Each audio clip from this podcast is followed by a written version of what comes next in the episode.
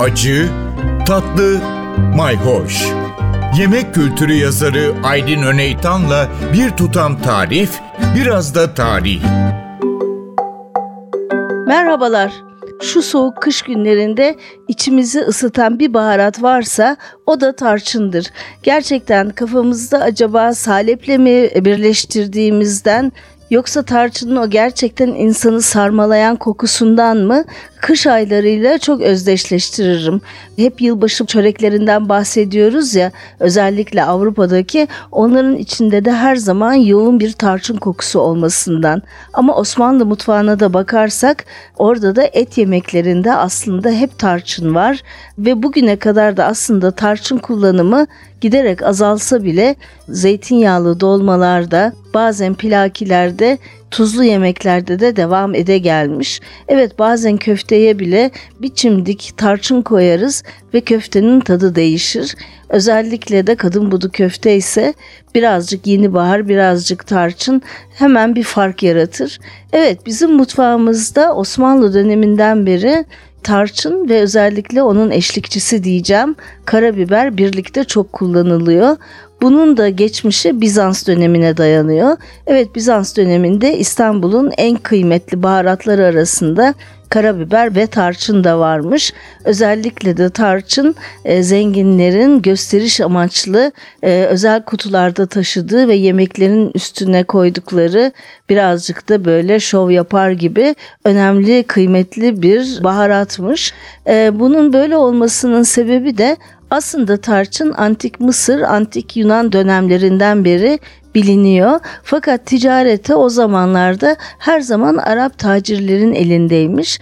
Bizans İmparatorluğu'nun son dönemlerinde farklı bir kanal bulunmuş ve özellikle de Osmanlı döneminde Osmanlılar direkt olarak Hint Okyanusu'ndan tarçını getirmeyi başarmışlar.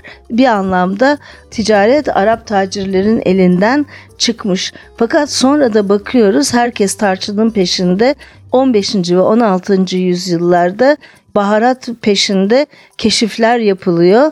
Hatta Kristof Kolomb Küba'ya ulaştığında adada yetişen bir ağacı tarçın zannederek pek seviniyor. Ağaç dedik evet tarçın aslında bir ağaç kabuğu. Zaten Osmanlı döneminde tarçın değil darçın deniliyor veya darçın bu da Farsçadan geliyor.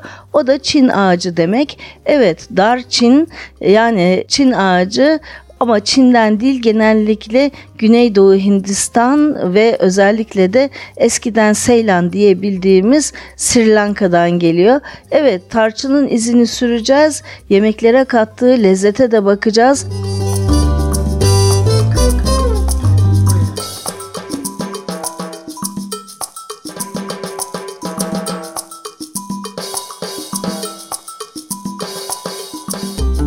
günlerinin benzersiz içecekleri boza olsun, salep olsun tarçınsız düşünülemez.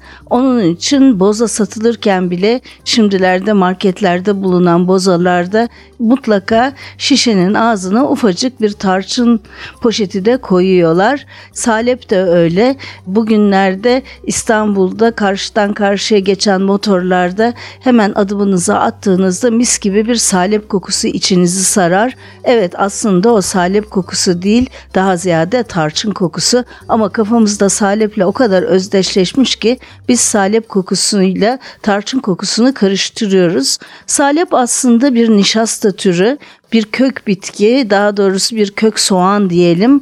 Anadolu'nun çeşitli dağlarında yetişen yabani orkidenin soğanı çift olarak her zaman bulunuyor bazı salep türleri yok olmaya yüz tutmuş.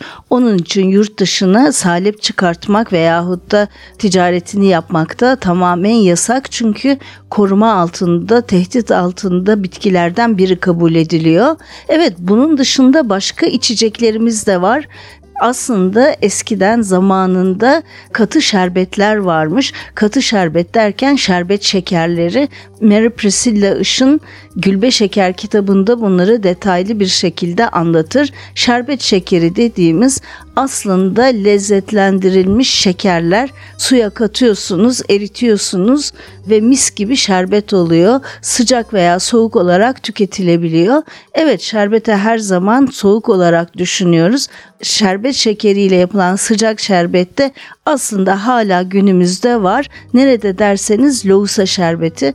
Evet aktarlarda kıpkırmızı baklava şeklinde kesilmiş katı şerbet şekerlere hala satılıyor. Evet suyla çözüyoruz o kıpkırmızı rengi ısıtıyoruz tatlı bir çay gibi onu içiyoruz. Evet şerbet şekeri de bu şekilde hayatımızda hala yaşıyor. Şerbet şekerinin rengini veren gıda boyası ama tadını veren tarçın yağı. Evet o mis gibi insanın içini ısıtan konu komşu için yapılan lohusa şerbeti işte böyle bir şey.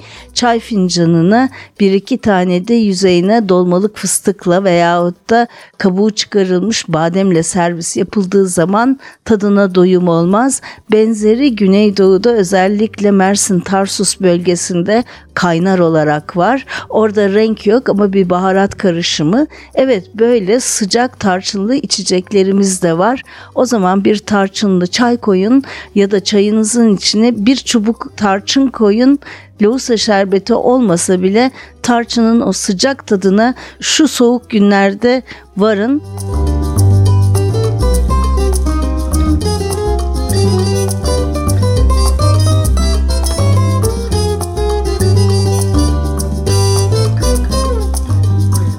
Tarçın bütün dünya mutfaklarında olsun, Türk mutfağında olsun çeşitli yemeklerde, içeceklerde kullanılıyor. Ama yemeklerde dedik, burada tuzlu yemeklerde de kullanıldığını görüyoruz.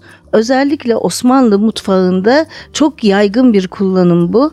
Evet balık pilakide, balık çorbasında zamanında tarçın kullanılmış. Evet bugün balıkla tarçını bir arada düşünemiyoruz. Bakliyatlarda da var. Bugün belki barbunya plaki gibi bakliyat plakilerinde yaşıyor ama zaten artık balık plakide yapılmıyor. Gene Osmanlı mutfağında ciğer çorbası örneğini görüyoruz. Orada da mutlaka tarçın var. Bu bana şunu düşündürüyor. Aslında ciğer olsun, balık olsun ağır bir kokusu olan yiyecekler ya da kendine has kokusu diyelim. İşte tarçın onu baskılamak için kullanılıyor.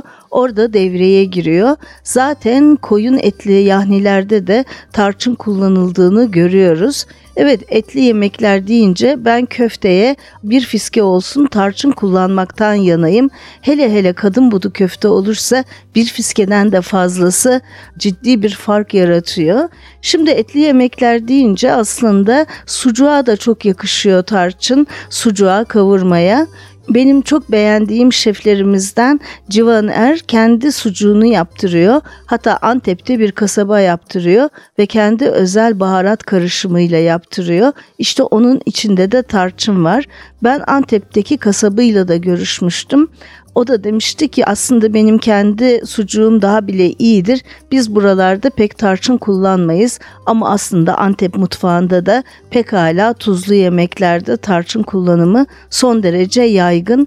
Evet tarçınlı bir sucuk belki piyasada bulamayacaksınız ama eğer sizin kasaba kendi sucuğunuzu yaptırma adetiniz varsa içine bir fiskede tarçın koydurmayı deneyin bakalım ya da evde sahanda sucuk yaparken sucuğu dilimleriz. Çok azıcık suyla tavada biraz açarız yağı çözülsün diye. İşte o aşamada bir fiske tarçın koyabilirsiniz.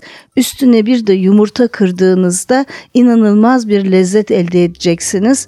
Yumurta demişken gene Osmanlı mutfağında tarçınla yumurtanın bir arada kullanıldığını da hatırlatalım. Özellikle Ramazan'ın 15'inde yapılan soğanlı yumurtada tarçın olmazsa olmaz.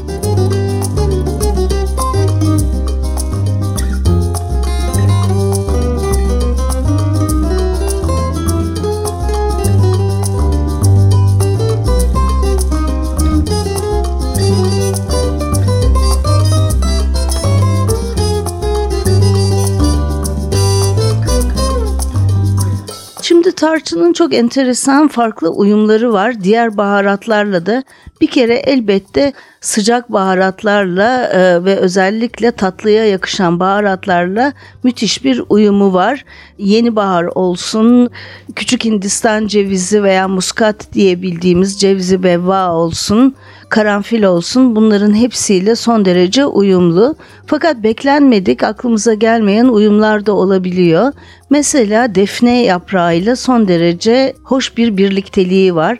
Özellikle böyle papaz yahni gibi et yahnilerine ya da balık buğulamaya birlikte kullanılabilirler.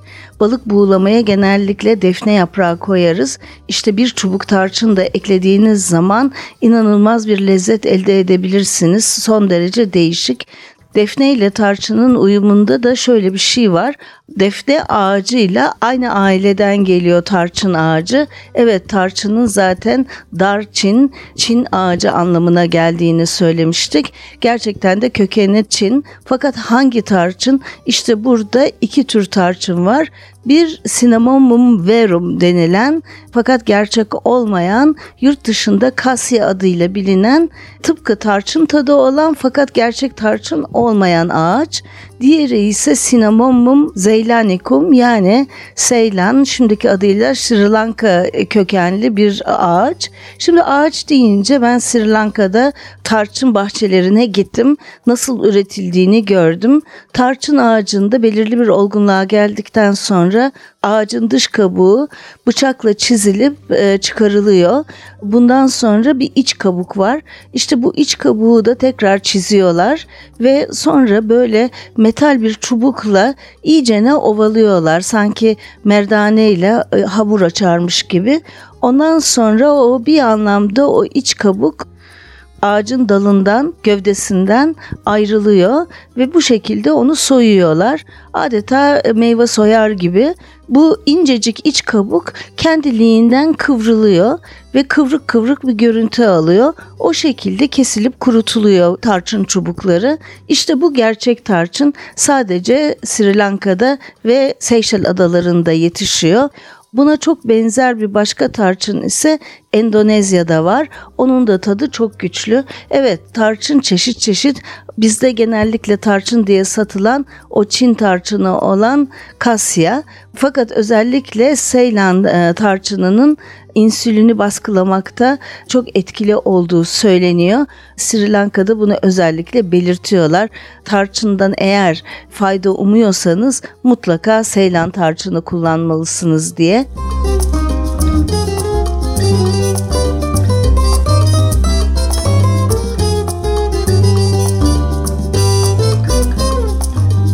Evet tarçının böyle çekici bir özelliği var. Pek çok baharatla da birlikte yakışıyor.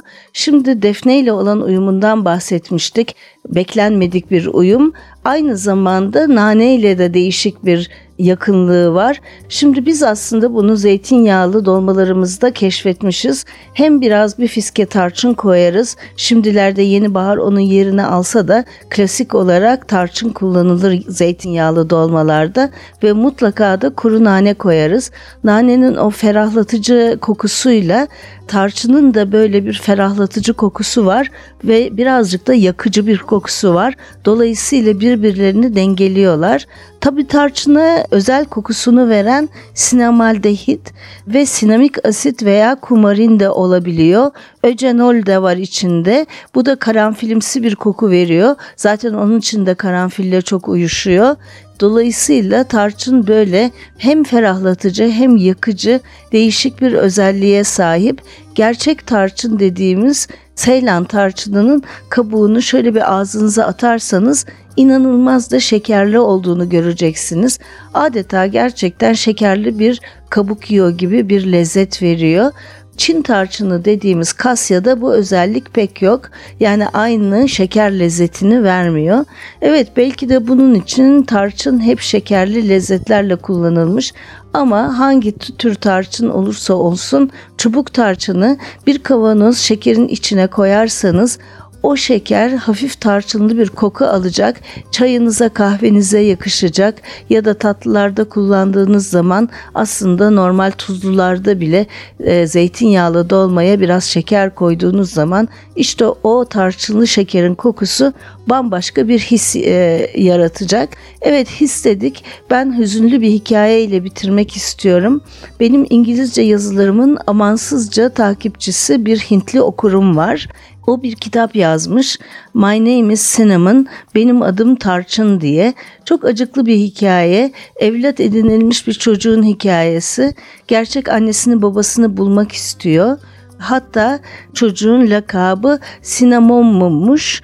Yani tarçının latincesinden geliyor. Çünkü annesi babası her zaman her yemeğe tarçın koyarlarmış. İşte o tarçın kokusunun izinde gidiyor. Ama niye kokunun izinde gidiyor? Çünkü çocuğun Usher sendromu var. Yavaş yavaş duyma duyusunu ve gözlerini kaybedecek. Evet görme duyusunu kaybetmeden önce son bir kere gerçek biyolojik anne babasını görmek istiyor. Onun için tarçın kokusunun peşinde koşuyor. Evet amansız okurum Vikash Prakash Joshi kitabın arka kapağına benim de bir yazı yazmamı istedi. Ben de ona seve seve bir yazı gönderdim.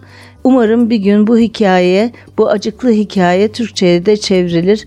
Tarçın kokusunun peşinden annesini babasını arayan çocuğun hikayesi. Evet, böyle baharatların izini sürmeye zaman zaman devam edeceğiz. Takipte kalın, hoşça kalın. Bir tutam tarih, biraz da tarif.